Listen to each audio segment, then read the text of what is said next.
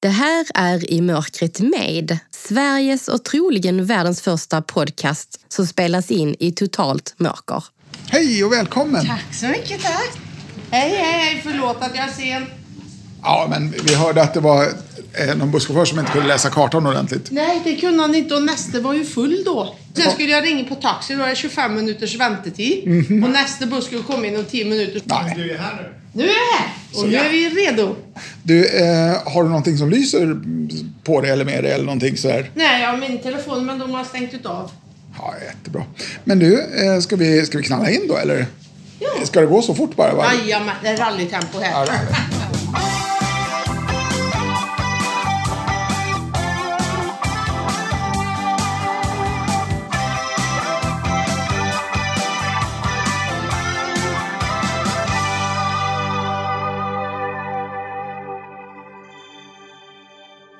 Hej allihopa! Det här avsnittet kommer en vecka senare än planerat som ni kanske märkt och detta på grund av coronafall i redaktionen. Men som man brukar säga, den som väntar på något gott. Och så är det verkligen. Det här blir ett kanonavsnitt med en modig person som alltid vågat gå sin egna väg. Hon beskriver sig själv som ett kärnkraftverk och såg motorsporten som en möjlighet att komma ut och se världen. Utan krusiduller och med stor öppenhet delar hon med sig av livets alla sidor. Om allt från barndomen till mental träning och att som kvinna ta sig fram i en mansdominerad värld. Som vanligt möter du även Svartklubbens ägare Ulf Nordqvist som bjuder på livemusik. Det här är I mörkret med Tina Turner. Om man kör rally, visst gör man det på natten också ibland? Absolut, det Ha, gör det. ha, har du en egen lampa då eller? Ja, det har jag ju. Inne i bil har jag ju för att kunna läsa mina noter. Men, men blir det inte sämre för den som kör då? Nej, det är speciellt ljus. Det är precis som i cockpit på flygmaskiner. Ja, jag förstår. Bra, men du får inte ha någon lampa här inne då. Nej, jag har ingen lampa. Ska vi se, då börjar vi närma oss Anna här borta. Tjena, Anna. Jag får träffa din kompis där ute. Ja, jag tog glad. Jajamän, och du vet, jag luktar ju vovve. Ja. Syrran har ju hundar. Ah. Så att eh, nu följer ju jag här då i mörkret, va? Att det... Nu har handväska på höger sida och jacka på esen. Om jag tar in hand lite ner sådär. Då Där hittar ser du jag stolen. stolsrygg där ja. Perfekt. Och då känner jag där. Då sätter jag mig här på den stolen, ställer väskan under bordet, hänger jacka på stolen. Det är bra att du berättar. Det här verkar bra. Det är helt rätt. Men då var- lämnar jag er. Tack. Så ses vi sen. Ah, så kul att ha det här Tina. Ja, vi har försökt i två år eller något. Så jag menar en kvart mer eller mindre på en buss var ju ingenting. Det är verkligen, äntligen fick vi ihop det. Jättekul Ja. att få komma. Jättetrevlig inbjudan. Ja, Tusen tack. Ja. Hur är läget med dig idag då? Du, jag är frisk och kry och full av energi. Och eh, ja, jag, jag ser just på framtiden, men det har jag väl alltid gjort. Det är som vanligt. Jag menar, jag driver ju projekt. Jag har väl under många, många år haft det högre syfte. har sett mig som världsmedborgare. Inkluderande. Det här med miljön har ju varit någonting som man har sett komma under åren. Det här med Kinas influenser har jag ju sett i och med att jag har varit mycket i Afrika med tävlingar och har ett barnhem sedan 2010 där. Och sen då så när det kom det här med digitaliseringen så har ju faktiskt jag investerat och utvecklat en digital plattform för, ja, som ska skydda minderåriga som är på nätet. Så att ja, en kan känna att den har legat i framkant och nu förhoppningsvis så och just det här projektet som vi startade också för FIA, det här med miljön, att alla bilister ska kunna vara med och, och spara CO2 och få en medvetenhet och förändra sin körning bakom ratten för att köra mer ekovänligt. Där startade vi liksom 2015, 2017 och du vet, alla skrattade då. Så att, Var det så? Ja, Ja. det är liksom, och nu Ja, och nu, 2021 eh, kommer det på tapeten. Så, ja, det är spännande, Anna. Jag, jag, ja. 2017 har jag också jobbat med 144 länders motorklubbar och du har kanske... Wow. Ja, så att... Eh, Ah. Eller är en spindel i nät i FIA Smart Driving Challenge då, som är det här initiativ och CSR-projektet för um, ja, bilismen i världen då för att hjälpa till att minska CO2-utsläppen och trafik, öka trafiksäkerheten. Ja, det- nu fick du en ja, bra Det lät inledning. som eh, eh, att läget var fantastiskt bra. Ja, det är Mm, det. Det, det. Det är bra på det sättet att en har varit med i framkant, men Mm.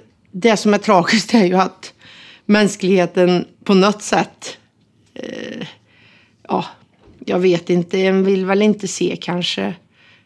Det är lite tunnelseende, det är inte vidvinkelblick, det här med inkludering. Ja. Nej, så, så det är väl på ett sätt tragiskt. 2015 kom ju de eh, 17 globala målen som sattes av FN.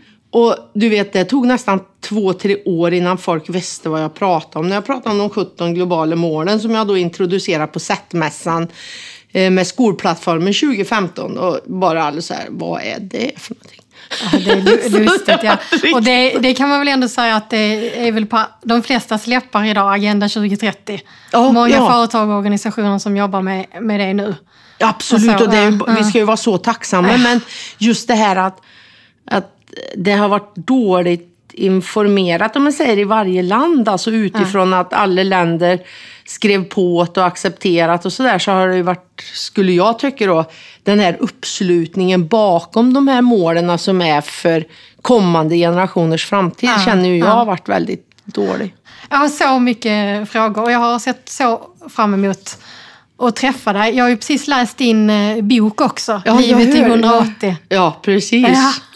Ja. du sträckläste den i Ja. rallytempo hörde jag. Det gjorde jag verkligen. Nej, men det, det var så här, jag tror jag läste den på en dag typ. Det, nej, men jag är så fascinerad och imponerad av allt du har gjort och jag tänker, jag undrar om folk har fattat det. Vad du har gjort.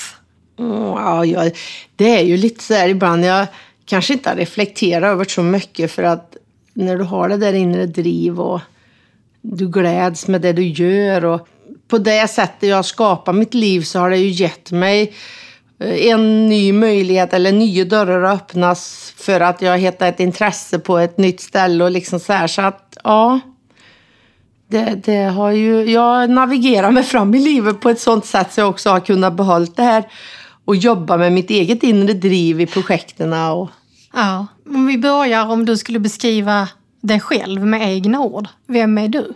då skulle jag säga ett Ringhals 5. Eh, Vad?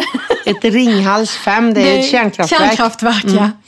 Det skulle jag nog säga som en symbol därför att jag verkligen är tacksam för varje dag i livet. Jag eh, ser till att kunna äta, sova, motionera och dricka så att jag ska kunna ha fulladdade batterier på morgonen. Naturligtvis har jag utmaningar som alla andra men jag har väl tränat upp mitt mindset och kunna hantera utmaningar, hitta lugn i otryggheten, framför allt ta ansvar och, och liksom bit ihop och bit i och inte se mig någon gång som ett offer eller tycker synd om mig själv utan det är omständigheter och då måste en, måste säga nu, det är ett starkt ord att välja, då väljer jag att ja, ha ett lösningsfokuserat mindset, ett flexibelt mindset som då har hjälpt mig absolut. Men för, för jag tänker liksom det jag slås av ännu mer när jag har läst din bok nu. Jag har ju liksom följt dig ändå under åren och sett dig i media och så här. Så tänker jag liksom, alltså du, du har ju verkligen vågat gå din egna väg. Ja. Du är självständig, du är stark, du är positiv. Alltså när, men jag menar du måste ju också ha eh, vara skör och ha dina dåliga dagar och, och känna att livet är skit, eller? Det, nu låter det helt krasst, men ja, så fort den tanken kommer, och det gör han ju, så har ju jag utarbetat verktyg. Att direkt tar jag på mig springskor, går ut i skogen, naturen, tittar på saker jag är tacksam för, sätter det i relation till sånt som jag upplevt som har varit mycket värre. Så, så direkt försöker jag att ta bort, eller ta bort, men fokusera på andra grejer så att det inte får fäste, kan ni väl säga, i tankesystemet på samma sätt. Jag reflekterar, jag accepterar det som har hänt eller är, eller känslor jag har. Men sen så tänker jag, kommer det att hjälpa mig att växa? Eller kommer det att få mig att vissna? Och när jag direkt efter den första analyseringen av de här känslorna och tankarna får det mig inte att växa, ja men då måste jag ta fram verktygslåda. Eller måste jag välja att ta fram verktygslådan.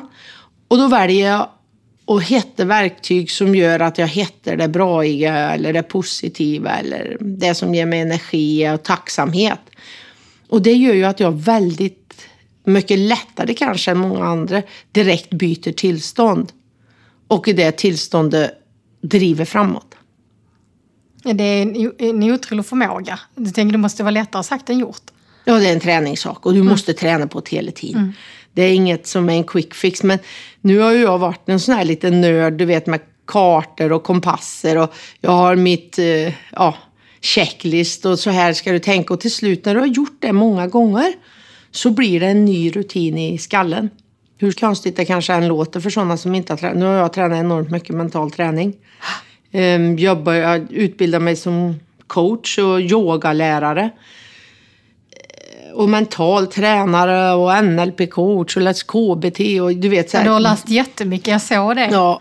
Men jag tänker de flesta känner ju till dig som eh, rallykartläsare och mm. föreläsare tänker jag också att många känner till dig som. Men, men när skulle du säga att du trivs som bäst med livet?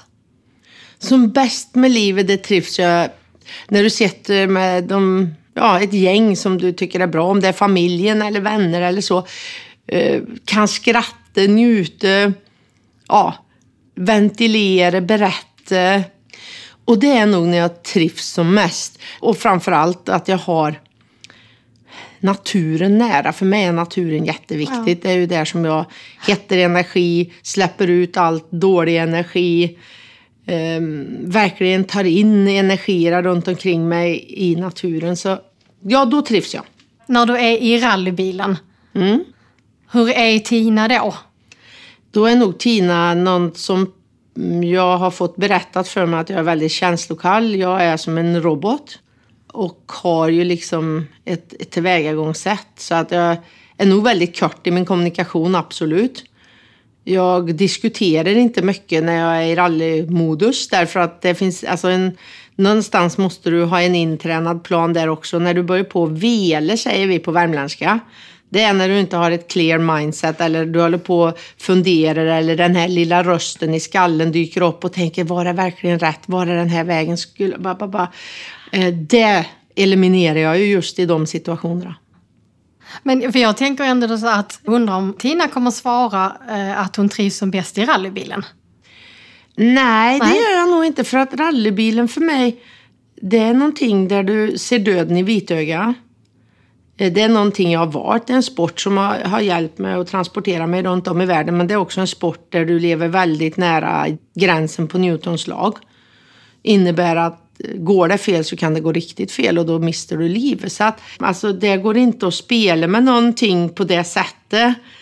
Eh, hjärnan får inte heta på en massa hyss och, och du har ansvar för den andra personen i bil till 100 procent. Läser jag fel och det sker en olycka och den blir skadad eller omkommer så du har ett enormt ansvar i de minuterna, timmarna och dagarna du sitter i rallybil det kanske är ett klimax av när du verkligen kan hålla ditt sinne med fokus i balans och har bara ett enda mål för öga och kan stänga ut allt det mesta runt omkring dig. Mm. Och det är ju det som vi kallar vara i flow då.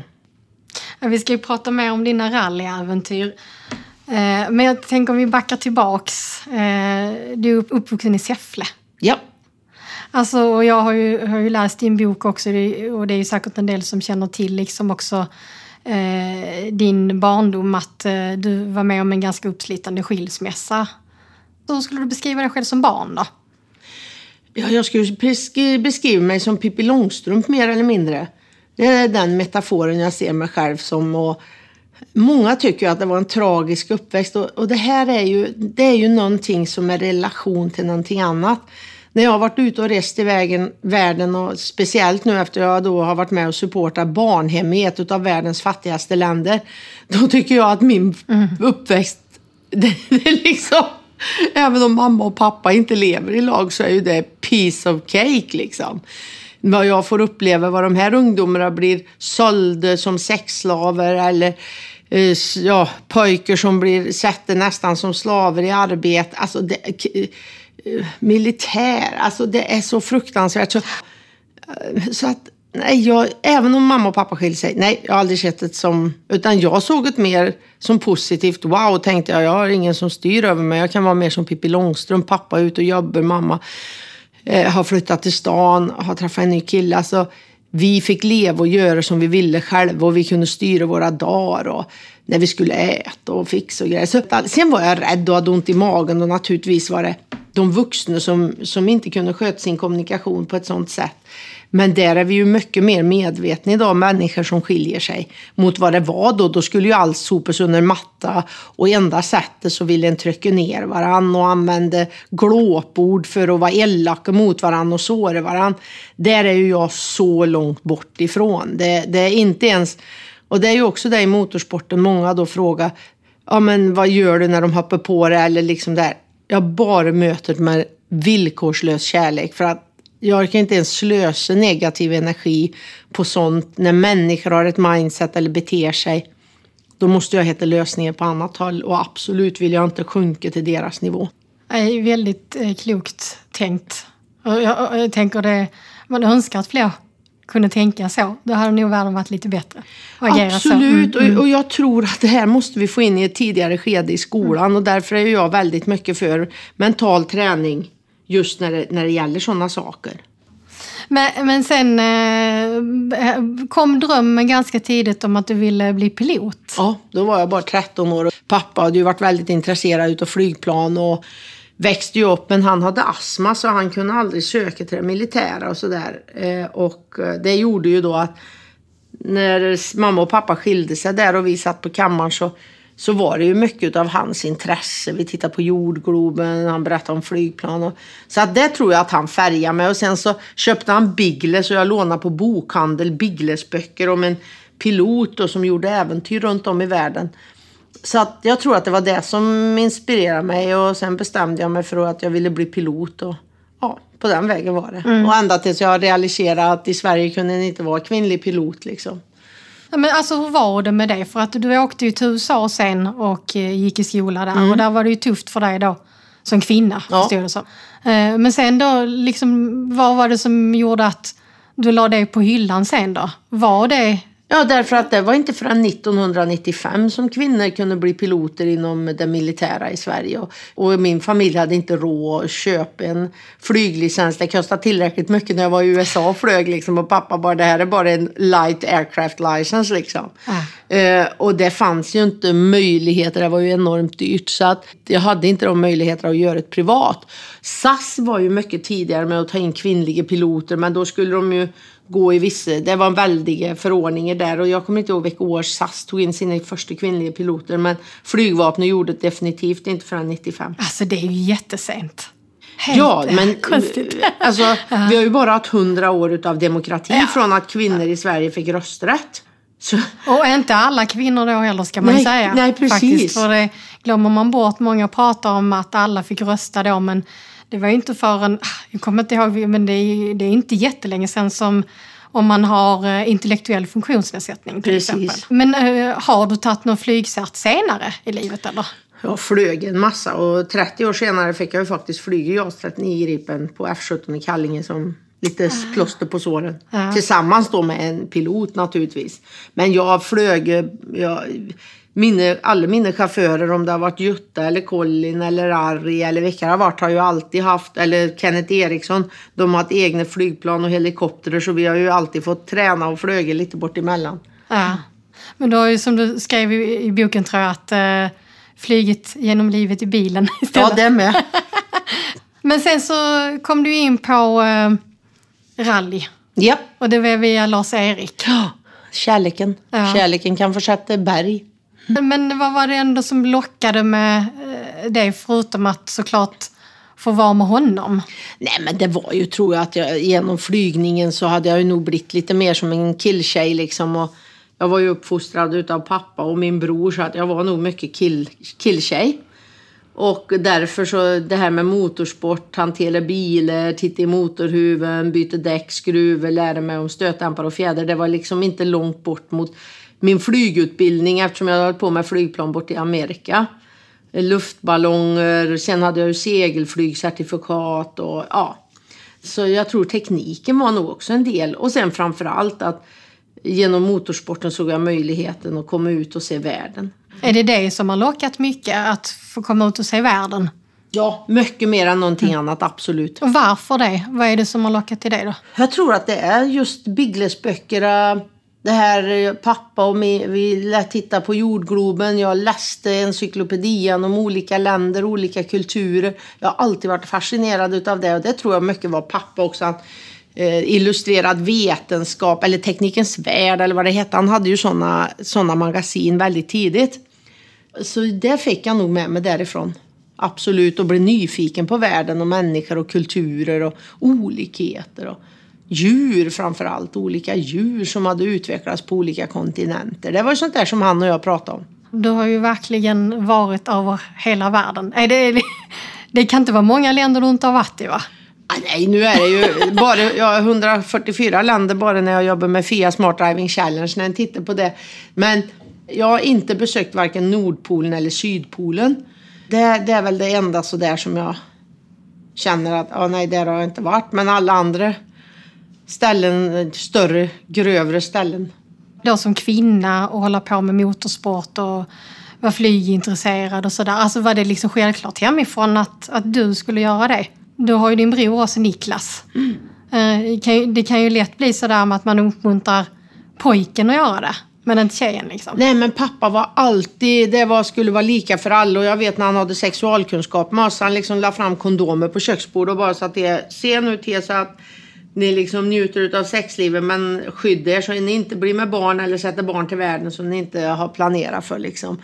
Och när han handlade kläder så handlade han ju lika liksom. Det var träskor till alla och tennisskor till alla. Det var jeans till alla, det var långkalsonger. Ja, det jag hade minst utav var kjolar och klänningar och liksom finskor på det sättet. Vad tyckte du om det då? Jag tror att jag var ju med pojkar, jag spelade hockey, jag växte upp, jag gjorde, jag menar jag älskar idrott. Jag blev ju skolmästare både över killar och tjejer totalt. Liksom ute på landsbygden var det ju mycket mindre skillnad. Där fick ju alla vara i samma klass liksom. Och, eh, de kunde ju inte bara ha tjejer och killar mot varandra utan alla fick ju spela i fotbollslag och i Eskilsäter eller hockeylag eller sådär. Så att det är inte så, skillnaden blir inte stor. Det fick alla liksom, visst vi hade omklädningsrum som var separata men allting annat gjorde vi ju ihop. Och, och då fick en ju kämpa. Mm. Ja, jag menar jag var ju den som var starkast i skolan i sjätte klassen på hela skolan liksom och bröt arm och sådär så att, ja. Alltså jag är så himla nyfiken på äh, rallylivet här. Det är ju jättelångt ifrån mitt liv. ja, jag, ja, jag kan tänka Jag har aldrig liksom suttit i en rallybil. Alltså, liksom, jag har aldrig haft det intresset för bilar heller. Liksom. Och det, det var också så här tidigt så förstod jag ju att jag aldrig skulle kunna ta körkort. För Nej, att jag precis. såg ju så pass ja. Eh, dåligt, ja. dåligt liksom. Men, men nu innan vi ska komma in och prata om rallylivet och så här, så ska du få lite dricka och något ätbart. Okej. Okay. Jag ja, testar något här. Jag vet inte riktigt vart den ska känna då för att heta det. Men... Det kommer Ulf med här. Oh, ja. Ulf ja. serverar. Ja. ja, nu hör jag att det skramlar där på bordet. Yes. Vad trevligt. Nu ska du se här. Då ska vi försöka öppna den här.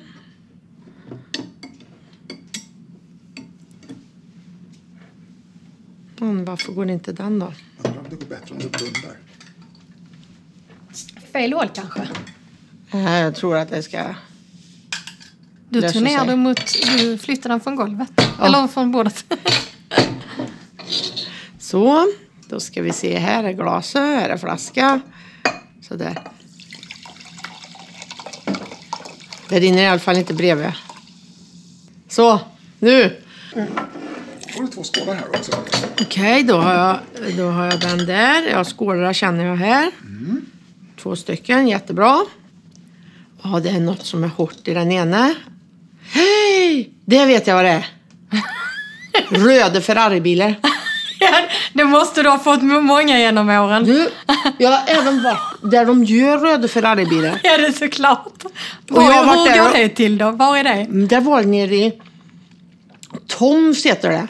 Det var en godisfabrik någonstans nere igenom. Och jag lovar, jag hade nog med mig fem kilo därifrån. Men du, jag ska säga faktiskt att lite... Det är inte röda, Nej. det här. Ja, det smakar i alla fall som det är. Gör det? Ja. Det finns ju svarta med. ja, men det smakar lakrits va? Mm. Men de här smakar hallon. Men de är gröna. Ja, ja men du. När du säger det. Det kanske är någon ny variant då. Men Ja, det, är det är väldigt, det det kanske är lite krus med päron då. Ja, det är det. Det stämmer nu när du säger det. Där är en variant till där i samma skål. Alltså, samma skål. Det är ju det någonting i den andra skålen det är någon- kakor typ. Ja. Känner Ja, det, nu är den fyrkantig.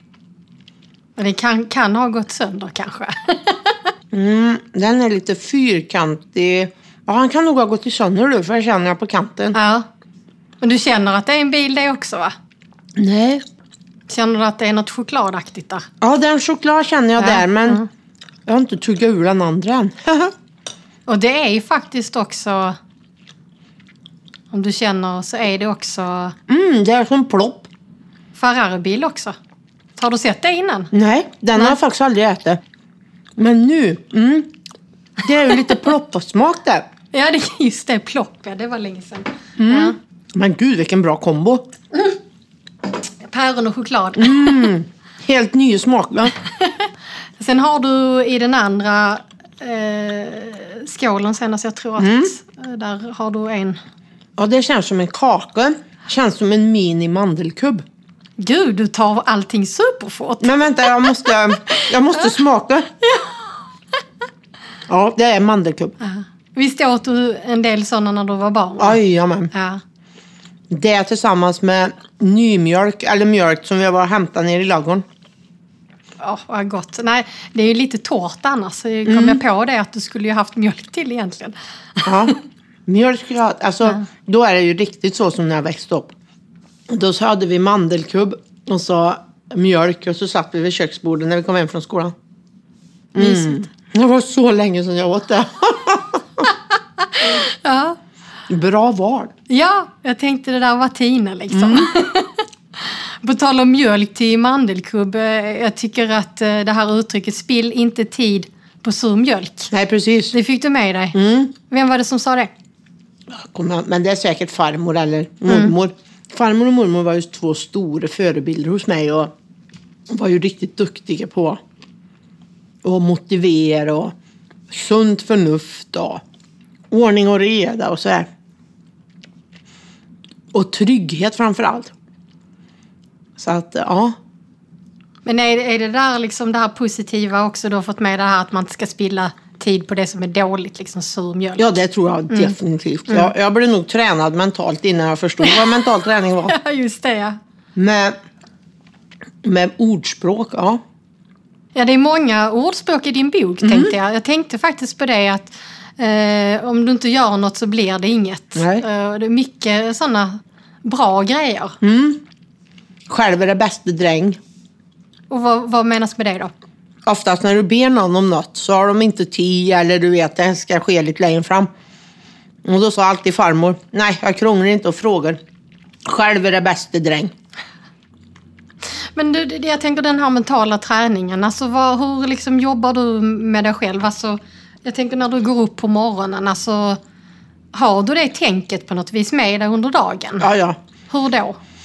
Jag börjar ju varje dag med att titta mig i spegel och liksom skratta och säga god morgon till mig själv. Och god dag världens bästa Tina och idag ska vi ha en bra dag. Och liksom ha det här mindsetet lite som när jag går upp till tävling. Att, ja, fokus på det du har bestämt och gjort. Det gör jag så fort jag kan och sen så ja, när du är färdig med det så kan du börja på att navigera på nya områden. Men om det då händer någonting så här, eh, under dagen. Jag tänker som nu i morse, jag klev upp och jag var jättetaggad eh, inför dagen och träffa dig idag. Så här. Eh, Och sen så har jag beställt en färdtjänst och så kommer inte den jäkla bilen. Nej. Eh, jag tror att den kom efter 40 minuter efter att jag hade ringt ett par gånger och sådär. Och då blev jag bara, åh, jag känner bara liksom hur energin så här, glider ur mig. Liksom. Ja, Vad var- ska man göra då liksom? När man känner att nu är jag på väg åt negativa känslor här. Men jag tror att det var lite som, du vet nu när vi pratar här om det här. När jag också missar bussen, eller missar bussen, det, en kan ju inte liksom styra över andra människor. Men när jag då, det här mindsetet, när jag stod där vid, vid busstation då, eller busshållplatsen. Då blev jag så här, okej, det är bara att ligga lugnt efter jag hade ringt taxin och sa att det skulle ta 25 minuter. Så tänkte jag, 25 minuter, jag kan ta 35, liksom de trycker ju också ner. Tänkte, ja, men vad kan jag göra på min lista? Ja, jag hade ju några samtal jag skulle ringa. Jag ringde ju dig tio gånger typ. men sen så så bara, ja, men då gjorde jag två, tre saker som jag skulle göra och sen så har jag ju det mesta i molnet så då kunde jag ju ladda ner. Nu är det ju, pratar du med en som liksom är strukturerad så jag nästan överallt alltid kan jobba. Och har jag inte tillgång till internet så har jag alltid en bok i väskan. Och just nu ligger det en bok där som jag köpt för inte så länge sedan om eh, och, eh, verktyg för att jobba med mental träning som har kommit ut. Eh, för att låta sig, väx- låta sig själv växa. Jag kommer inte ihåg exakt nu. Men då har jag den i handväskan så då vet jag alltid, blir jag stopp någonstans eller jag blir sittandes någonstans. Har jag inte uppkoppling, strömmen tar slut, då har jag en bok. Ja.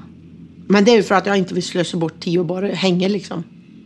Men, alltså, men är det slöseri, till, slöseri att bara hänga? Alltså bara sitta rätt upp och ner och bara vara? Nej, det kan jag också vara, men då har jag mer planerat att göra det. Men då vill jag inte vara mitt i en stad eller på en buss eller på ett tåg. Utan då vill jag vara i skogen. Och då kan jag bara vara en hel dag. Jag har inga digitala device med överhuvudtaget. Så att där är jag ju också. Men mitt i en stad och sitta och bara vara med allting som är runt omkring där. Avgaser och skit och människor och energier och strålningar och bara Gud och hans moster. Nej, det, då kan jag lika gärna vara aktiv och Ja. Ja, nej, men, det, men det ligger ju mycket i det där också att vissa situationer kan man liksom inte påverka. Alltså när jag satt där och väntade på färdtjänsten, alltså jag kan ringa och kolla om den är på väg och så. Men sen kan man inte göra så mycket mer. Alltså det Nej, ju- inte med det. Då är det ju bara att nyttja på saker som Ja. jag redan har på to-do-list. Som jag vet, ja men det kan jag bara gå in, ladda ner eller... Då har jag alltid någonting att göra. Vi ska ju in och prata om det här med rally. Så jag är så nyfiken. Ja. Men eh, först ska vi lyssna på lite musik. Åh, vad kul! Ja.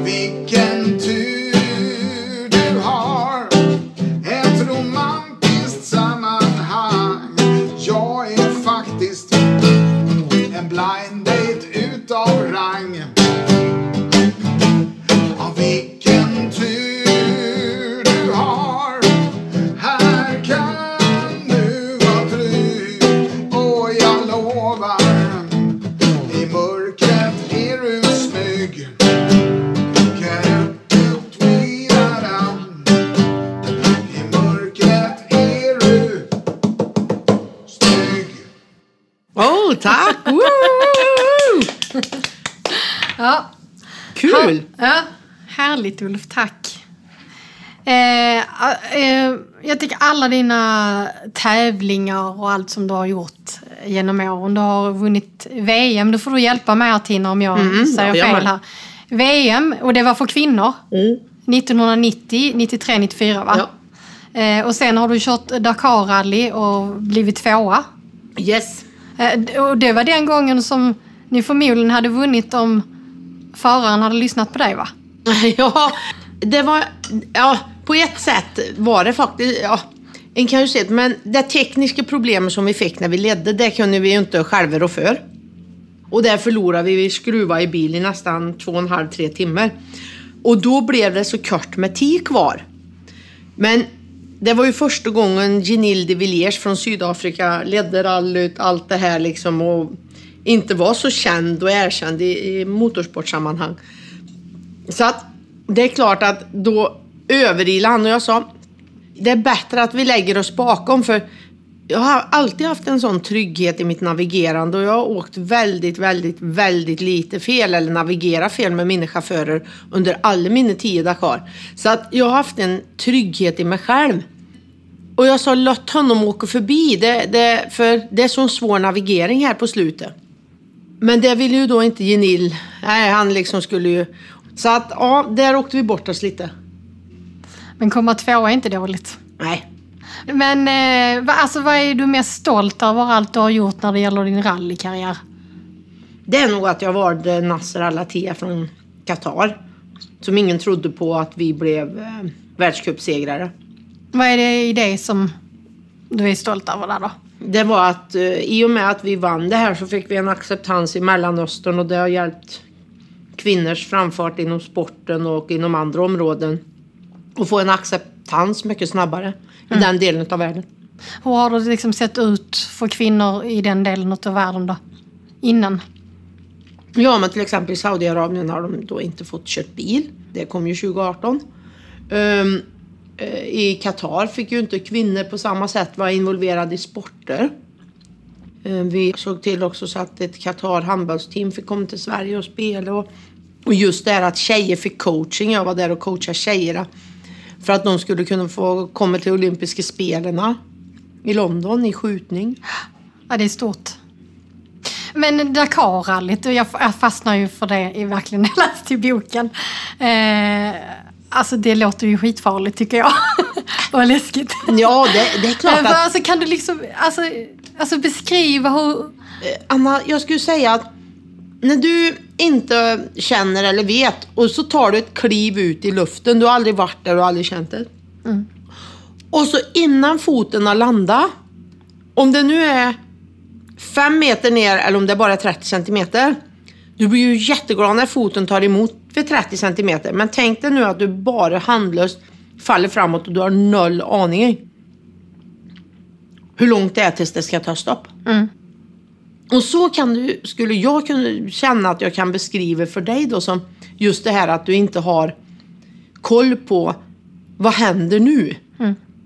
Vad är det som tar emot? Vad är det som, men här tar det inte emot. Här kan det vara fem meter bakom en sanddyna eller det kan vara 20 meter bakom sanddyna och då flyger bil 20 meter ner.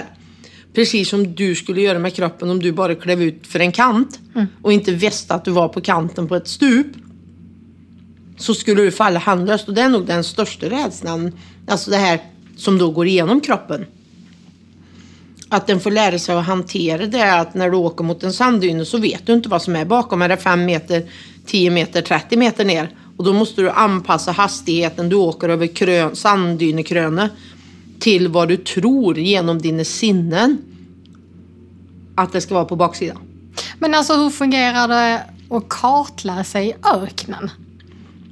Alltså eftersom det, man aldrig riktigt vet hur det ser ut. Alltså hur... Nej, så det är lite som att köra blint. Då kanske jag skulle klara det bra då. Ja, men det är ju bara att våra... När vi kommer på toppen på krönet så säger ju hjärnan till oss vad som händer där på ett helt annat sätt. Men då hoppas jag att den har bedömt det rätt innan. Eh, så att när du navigerar i öknen så är det kompassriktningen precis som du navigerar på sjön. Och sen måste du läsa naturen. Så en vanlig dag då på ett Dakar-rally. För Ja. alltså, jag tänker på allt det här från liksom vad man tar på sig för kläder Mm. och sätter sig där och, och går på toaletten och mat och sova. Alltså, kan du beskriva hur, hur det är? Ja, om vi börjar en dag då. då kan, dagen börjar oftast mellan fem och sju på morgonen beroende lite på vad vi ska göra. Då går vi upp. Vi bor i tält. Eh, du har en bag med kläder. Vi har en, om du tänker dig en... Jag vet inte när du växte upp, hade du sån här eh, overall då? Vinteroverall? Tänk dig vinteroverall. Så har vi tre lagers flamsäkra material som ligger där. Så den är ganska tjock fast ändå smidig. Så han är mer som en vadderad träningsoverall liksom, fast tjockare. Men inte lika tjock som en vinteroverall. Under den så har du ytterligare långkalsonger, tröja, flamsäkra strumpor. Och sen så har du som en jag vet inte, har du, om du har haft någon sån här vintermask någon gång som är som du drar över hår och allting och täcker ansiktet där du bara har hål för ögonen. precis. En sån har vi på oss under hjälmen. Det är mycket. Mm, det är mycket. Och sen så har vi, eller jag har ett njurbälte i och med att jag alltid måste kunna säga ut orden. När det hoppar och studsar och vi åker igenom gropar så slås ju ryggraden och alltihop liksom hela tiden och hela kroppen ja, komprimeras mitten. Så jag har ett njurbälte bara för att stabila, stab, göra det lite stabilare så att det inte sjunker ihop så lätt. Och sen så har jag också, eller vi har, nackskydd. Eh, om du tänker att du sätter på dig över axlarna. Det är som ett ok liksom. Det ligger fra, på framsida och baksida. Och sen så är det som ett, en hög krage som går upp bakom hjälmen. Och det sätter den då fast i en hjälm. Som hjälmen har den ju också då över den här skyddshuva. Flamsäker skyddshuva. Som vi kallar balaklava. Och då tar den på sig hjälmen och i hjälmen på sidorna är det som små skruvar. Så att från den här nackskyddet som då stabiliseras över axlarna sätter det ju fast som ett ok. Och sen så har du säkerhetsbältena på höger och vänster sida som trycker ner det så att det blir ett med din kropp. Och så har du på sidorna då på, på den här nacken har den ett litet, litet trumsmån om man säger som spännband, alltså, eller en, ja, ett spännband kan du säga som du krokar i hjälmen så att när vi gör impakter, alltså när det smäller för oss, när vi krockar med, med trän eller vi krockar med sanddyner eller vi krockar med vad som helst där ute. Då är det så att den här impakten då, kraften som blir gör att nacken och muskler och alltihopa, hela kroppen förlängs. Det går i slow motion, det åker framåt så långt. Och för att då inte få nackskador så håller det här, ser det till att även om vi har en sån impact så kanske nacken skulle bli 15 centimeter lång säger jag nu bara för att liksom då ser den till så att nacken håller sig eller stabiliserad och bara kan liksom expandera 2-3 centimeter och ingenting mer. Och sen så har vi läderskor som vi sätter på oss. Och hela det här är vår skyddsutrustning som vi då sen sätter oss i, ett, i en formgjuten stol. Det är alltså en stol som är gjuten efter våra kroppar med ett, ja, en stoppning som gör att det också absorberar Så det är utprovat med, med Tinas kropp innan. Ja. Och sen så har du ett sexpunktsbälte precis som i en barnstol. Alltså du har bälten som kommer upp från golvet, från sidorna och över axlarna. Och faller samman i en enda knytpunkt på magen. Eh, och det är den som vi sätter fast i bil. Och sen så, så när jag har gjort det här som underlag har jag då kartor med mig. Jag har olika, vad säger en, eh, ja, hjälpmedel i bil. Ehm, och till exempel så har jag en ehm, digital kompass så att jag kan se kompassriktningen. Jag har också en manuell kompass om det digitala skulle sluta fungera. Jag har också en trippmätare, en mätare som mäter då hur mycket vi kör, hur långt vi kör. Och den här mätaren kan jag då ställa in allt eftersom i och med att du har hjulspinn till exempel när du kör upp i sanddyner eller åker fel och sådär så att du hela tiden också kan korrigera dina kilometer körda för att ha en koll på hur långt har jag kvar till mål, vart ska jag vara och sådär. Så att jag har många hjälpmedel till min hjälp i bil. Och sen skyddsutrustningen på mig själv. Och sen då så har vi en roadbook kallas det. I roadbooken har vi vägbeskrivningar i vilka, vilken riktning vi ska åka hur länge. Då kanske det står så här när vi startar en sträcka. Du ska åka kompassriktning 192. För kompassen utgör ju då 365 grader, alltså ett, en cirkel. Och utifrån den så är det ju norr, söder, öster, väster. Och sen så, så att du då får en kompassriktning och du kommer att få en distans hur långt du ska åka det här. Då vet jag att vi ska åka där, men du kan ju inte åka, beroende på terrängen vi åker igenom, kan du inte åka helt rakt fram i samma, utan du måste ju väja undan för träd eller för berg eller för ja, floder eller vad det nu kan vara. Och då utgör vi bedömningen med ögonen. Då ser vi hur naturen ser ut utifrån det. Då kanske jag två kilometer åker alldeles för mycket till vänster mot vad kompassriktningen sa, då vet jag att undermedvetet i mitt skalle måste jag räkna tillbaka det. För att ska jag komma på rätt plats efter 20 kilometer behöver jag också åka lite på andra sidan så att jag kanske nu har åkt i kompassriktning säger vi 180 fast jag egentligen skulle ha hållit 90. Mm. Men bara för att komma förbi berg eller sanddyna så åkte jag 180. Det innebär ju att jag har åkt 90 grader fel egentligen. Så då måste jag, när jag ser att jag kan komma tillbaks till närmare 90 grader så kanske jag bara åker då 30 grader över en kilometer för att jämna ut det jag egentligen har åkt för mycket då i ena eller andra riktningen. Så det här ja, sätter jag och gör i huvudet hela tiden då under Ja, 6, 8, 10, 12 timmar utan att stoppa. Ja, det är helt otroligt. Alltså jag tänker du måste ju vara så på alerten hela tiden. Absolut, och vi går inte på toaletten för det tar ju tid så att eh, du åker med blöjor på dagen. En del väljer ju bort det. Men då behöver en ha koll på sin kropp att den verkligen har gått på toaletten och tömt tarmarna innan du sätter dig i bil. Så att det är ju också ett sånt moment som en då får bygga in och jobba med sin kropp och, och få den att jobba i synk med sig själv. Men använder du blöja? Absolut. Konstigt också. Och, och sätta i skiten menar du i fyra timmar? Ja. ja. I alla fall om du är lös i magen. Och, äh, lös i magen är nästan bättre. För då blir det nästan som kiss i blöja. Så att, ja. Uh, oh. Och, det, och fixar man och ändå hålla den koncentrationen? Ja, det uppenbarligen gör man ju det. Ja, annars så är det inte bra. annars blir det jobbigt. Eh, men hur långt liksom ett Dakar-rally då? Alltså hur, hur många dagar kör man? Ja, du kan säga att vi åker ett kvarts varv runt jorden på tre veckor. Med en så vilodag. pass länge, ja. Mm. Och sen tänker jag också som du har berättat om i boken, och så nu ska vi inte avslöja allt för folk ska ju läsa boken också. Eller lyssna på den kan man ju göra. Mm. Ja, definitivt lyssna eftersom det är du som har läst in den. Det är ju fantastiskt. Bra. Eh, med din härliga dialekt också, tänker jag.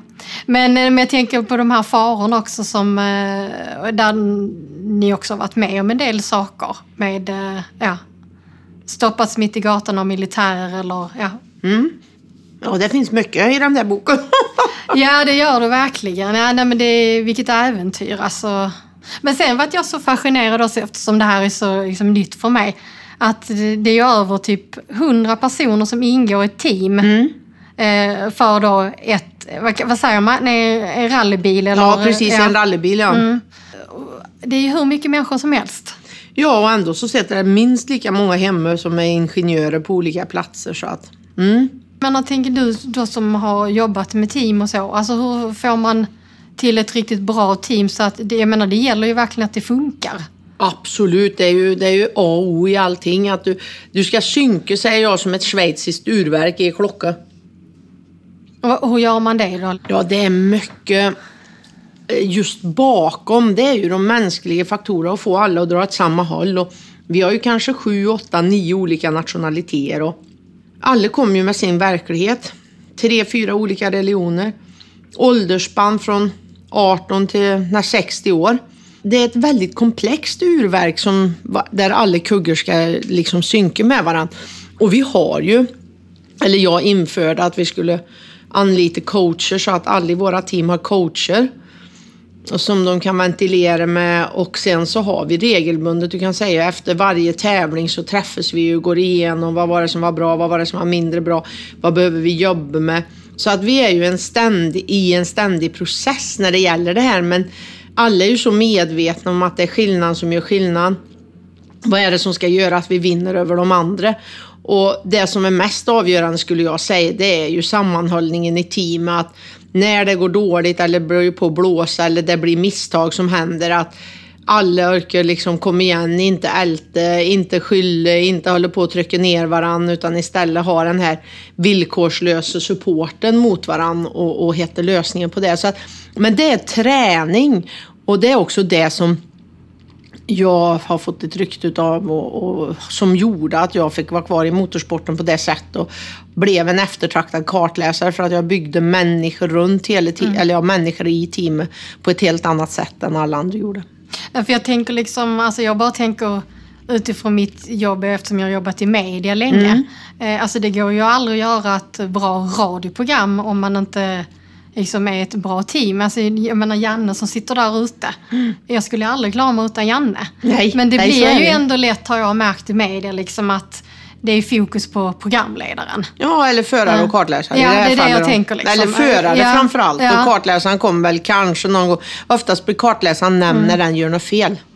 Jag menar så kan man ju inte tänka liksom. Alltså alla är ju viktiga i teamet. Absolut. Eh, Upplever du att det har varit, är så i rally ibland att, att eh, ja, men det är olika status och sådär beroende på vilken position du har i teamet? Och, Absolut, absolut. Men det tar jag bort med en gång. Allihopa får samma dofter likadant.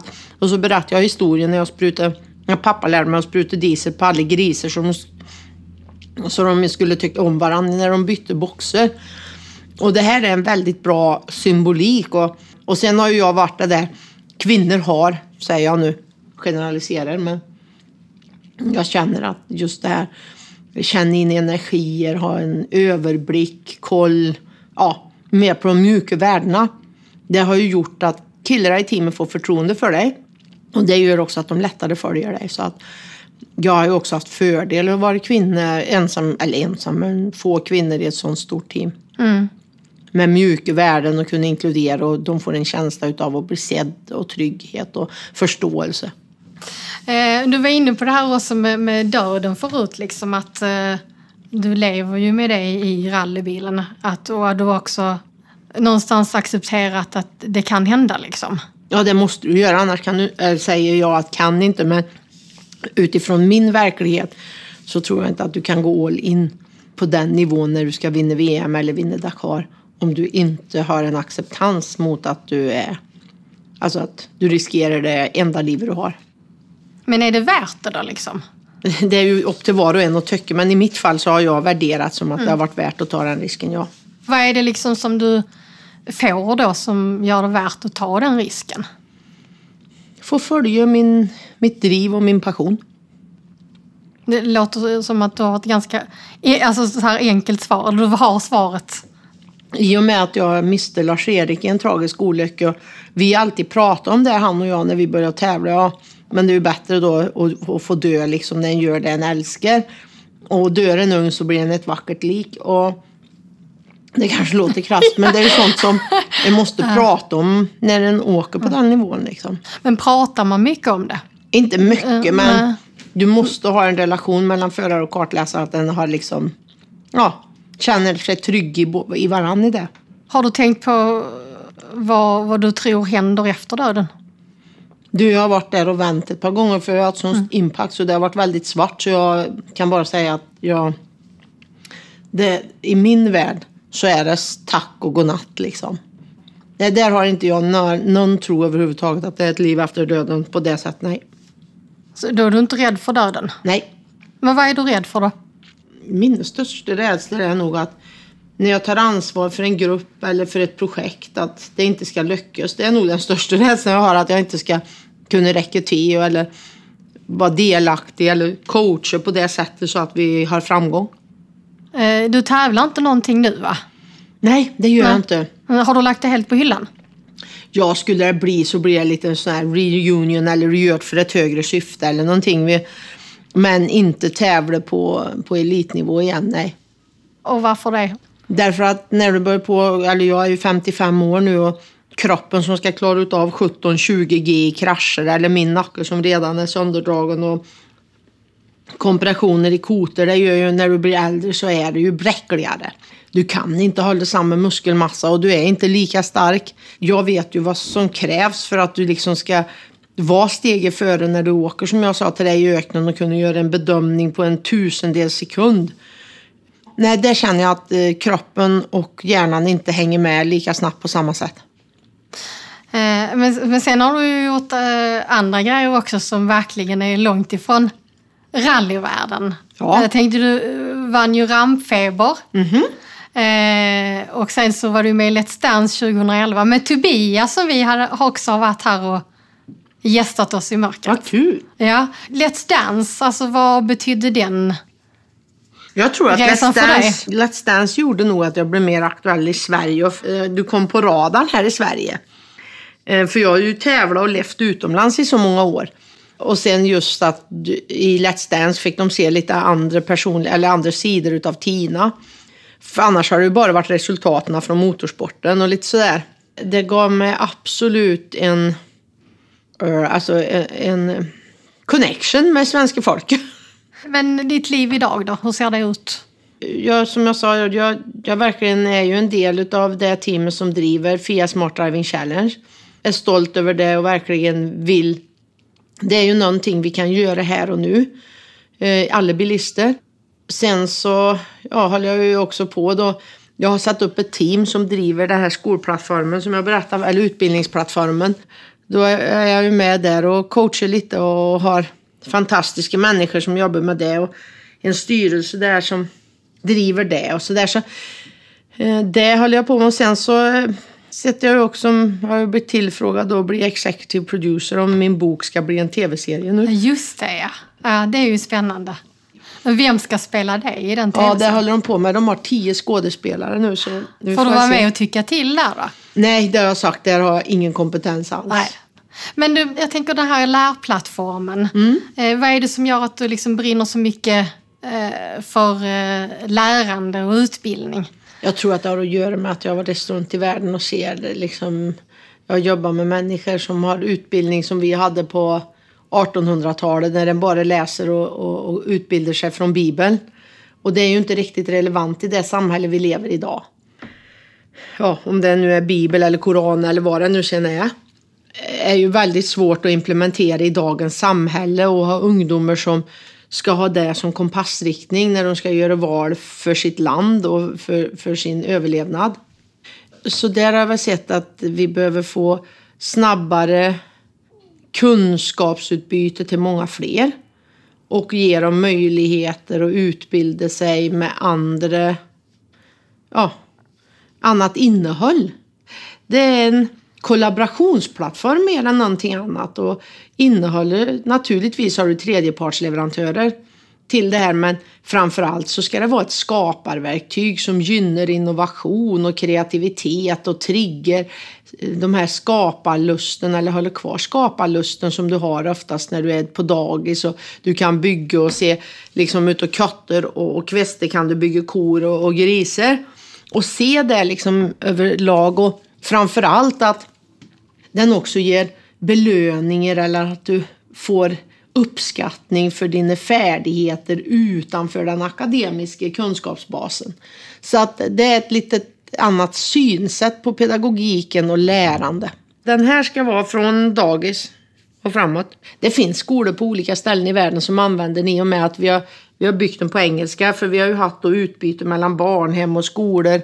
Pro-Olympiaskolor har haft till exempel med Island, England, vi har en skola i Uganda som har varit med. Så, så i Indien, i Goa och ja. Har du sett eh, vad det har gjort då? Och Oh ja. folk använda? Vad, Ja, ja. Kan du, hur, det Ja, ut? kanske det finaste som har hänt det var väl att genom det här utbytet och den här pedagogiken så jobbar svenska elever med isländska elever och gjorde ett sånt fantastiskt jobb så att de faktiskt fick en belöning. Jag kommer inte ihåg, det var 250 000 eller vad det var. Så att skol, alla elever kunde då åka till Island från Sverige och alla isländska elever var på skolan i Sverige. Och det här utbytet fick de ju bara för att de hade gjort ett sånt fint upplägg på plattformen och visa hur de lärde varann och hur de hade tävlingar med varann eh, i kunskapsutbyten. Så att då blev det värderat och, eh, fick, och de fick den belöningen. Och det är inte illa liksom. Nej, verkligen inte. Jag upplever själv när, när jag har lärt mig som mest i livet, det är ju faktiskt många gånger när jag har varit och bott i andra länder. Ja, Så, och jag skulle ju jättegärna vilja göra det mer. Sen är det ju alltid lite knepigare när man inte ser och bara så nu flyttar jag dit. Nej, precis. Man måste eh, göra det på ett eh, sätt så att det fungerar liksom. Men eh, det har ju lärt mig otroligt mycket. Mm. För det är så lätt och också, man är i sin egen värld. absolut. Och får ingen annan input. Och nej, jag tror inte att det är så bra. Jag vill inte ha det så i alla fall i mitt liv, känner jag. Nej. Sen är det ju tryggt och bra sådär att vara kvar i sin, sin egen bubbla många gånger, men nej. Jo, men känner ni ingenting annat så är ju det också... Absolut, Så- man är ju olika. En är ju olika och det är väl bra att alla är olika. Men, men just det här när har börjat på och sett utvecklingen som en får själv tillsammans med andra. Då får det ett så stort värde i ens liv. Nej, Jag kommer aldrig glömma när vi var på Dominikanska republiken för ett par år sedan. Eh, och då åkte vi, eh, vi, kom till en skola som de hade byggt upp där. Eh, och det var ju framförallt flyktingar från Haiti som gick på den här skolan. Ju. Det var någon eldsjäl liksom som hade jobbat med det och fått in pengar och hade den här skolan. Så kom jag dit då och jag pratar ju spanska. Så jag kunde ju prata med barnen. Ja. Eh, och de, du vet, de drog ju min käpp och tittade på mig och sådär. Och alltså, jag tror att det är, alltså du vet, i många av de länderna, jag fick ju berättat för mig, då gömmer de ju undan Ja. eh, barn, ja, till och med vuxna som är blinda.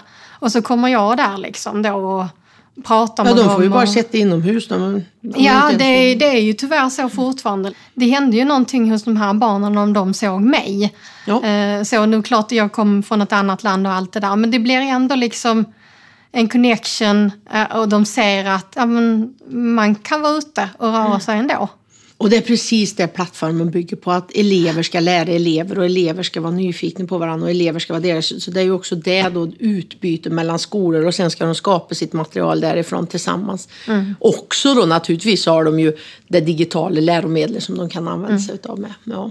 Ja, och, och jag kan tänka mig, där känner man också att man tillhör det här globala. Ja, det blir ju väldigt tydligt då.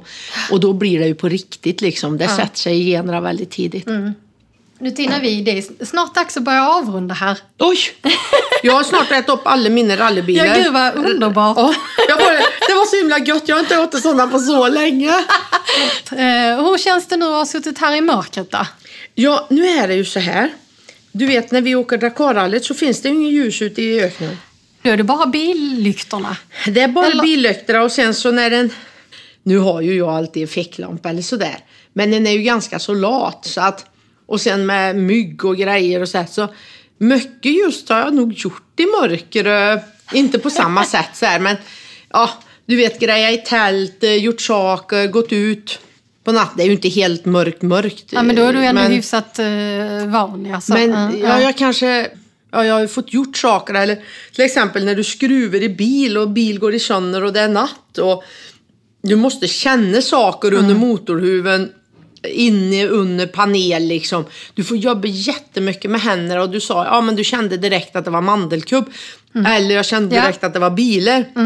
Det är ju, tror jag, utav, på grund utav att jag har fått lärt mig att känna, du vet när du stoppar under, av vilka kablar, vilka skruvar, känner storleken. Och då, måste, då ser du inte under instrumentpanel liksom. Nej. På det sättet har jag jobbat. Eller som jag sa, köra blint i, i sanddyner. Du vet inte vad som är bakom. Du måste föreställa dig i skallen. Just det. Och jag tänker att många har ju så här föreställningar om att "Åh, gud, eh, man blir blind och då kan man ju inte göra någonting. eh, och det, det är så himla roligt för att, eh, alltså jag kommer aldrig glömma, min sambo är ju från Kanada. Ja. Och när jag var och hälsade på honom första gången så skulle han köra mig till flygplatsen Ja. då när jag skulle hem igen. Och han hittade inte bilnycklarna och vi hade inte så lång tid kvar. Jag var så bara, åh! Och han, han är liksom glömsk, det vet jag nu efter 15 år. Och han letar och letar och letar och till slut så kände jag, nej, så jag började känna runt. Känna Ja. runt. Ja, ja, känna jag hittade runt, ja. nycklarna med en gång. Ja, och det är, Eh, och det är lite så här, eh, alltså, jag tror ju, eh, alltså efter alla år nu när jag har varit blind, att eh, herregud, man, man ser ju så mycket mer med fingrarna Ja. många gånger. Och man behöver ju inte se för att göra vissa saker. Alltså det är ju verkligen inte när man väl har tränat upp det. Och, och det är lite så. Jag, jag går ofta i mörkret. Så där på, på natten när jag går upp, då tänder jag aldrig ljuset. Egentligen är det lite skevt för pappa gjorde inte det. Men det var också det som kostade honom livet. För att Ja. han då gick upp det här på natten och var hos en kompis. Och så när han skulle gå tillbaks så trodde väl han att han skulle gå in i, i dörrar som var vägg i vägg. Eller ja, bara med en liten bet emellan in till sängkammaren och den dörren öppnade sig ut och så, så dörren till källaren öppnade Och sig så ut och så, så ramlade han ner för en trapp. trapp. Och det är ju lite, men det, det lever kvar i mig det här att ni inte ska tända. Så jag gör, jag går upp, jag gör saker i mörker, jag tänder inte i onödan. Eh, ja, det är som du säger. När en får den där lilla kontakten så är det ganska skönt att göra de sakerna i mörkret. Och sen när du har haft hjärnskakning eller när, när vi har blivit behandlade, när vi har rullat till exempel. Eh, när den har slått i huvudet eller slått i huvudet i burbågen då får vi oftast, ja när det blir hjärnskakning, då får vi ligga i mörkerrum. För Nej, att hjärnan då ska liksom lugna ner sig och då får du inte ha några intryck. Så att eh, där har jag också varit någon gång.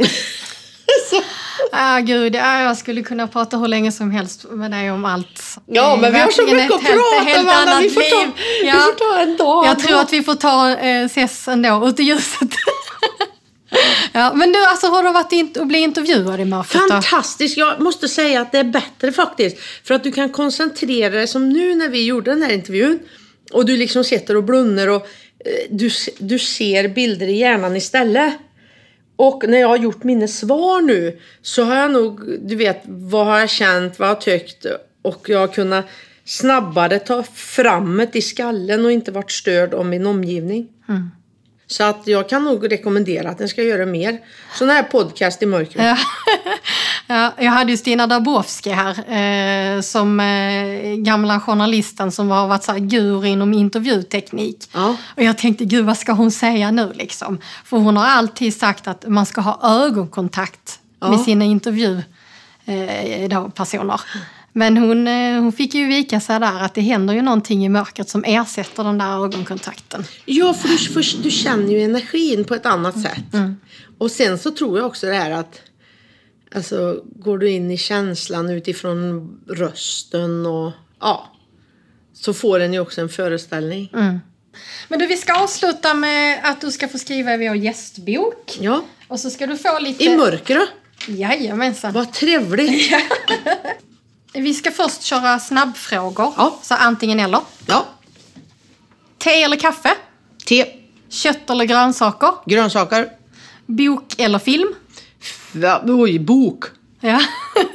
Tankspridd eller fokuserad? fokuserad, Hemmakväll eller utekväll? hemmakväll, Nytt eller gammalt?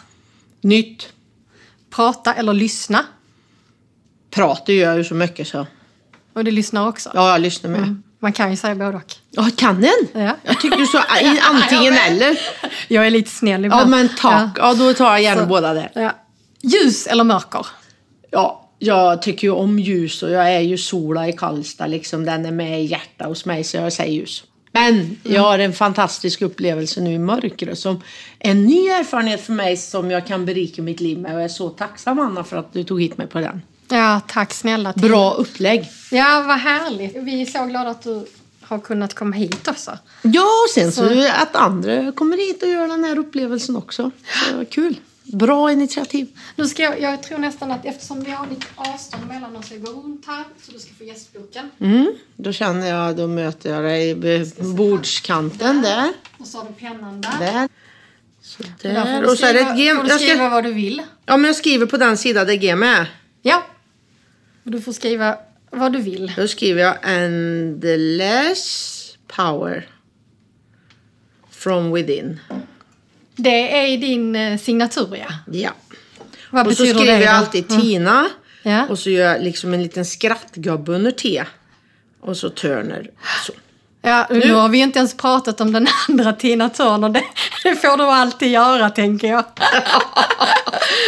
Endless power. Yes, Vad- from vad- within. From within. Är det, vad, vad liksom vill du förmedla med det? Men jag vill förmedla att den faktiskt har kraften i sig och det är den kraften som behöver hantera livet. Så att, och den kraften har en faktiskt oändligt utav medan en lever och man kan fokusera på den. Ja.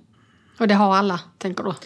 Ja, alla, alla, alltså, det, alla är, vi är ju alla olika. Så att, men generellt sett utifrån hur kroppen fungerar så alstrar vi ju energier.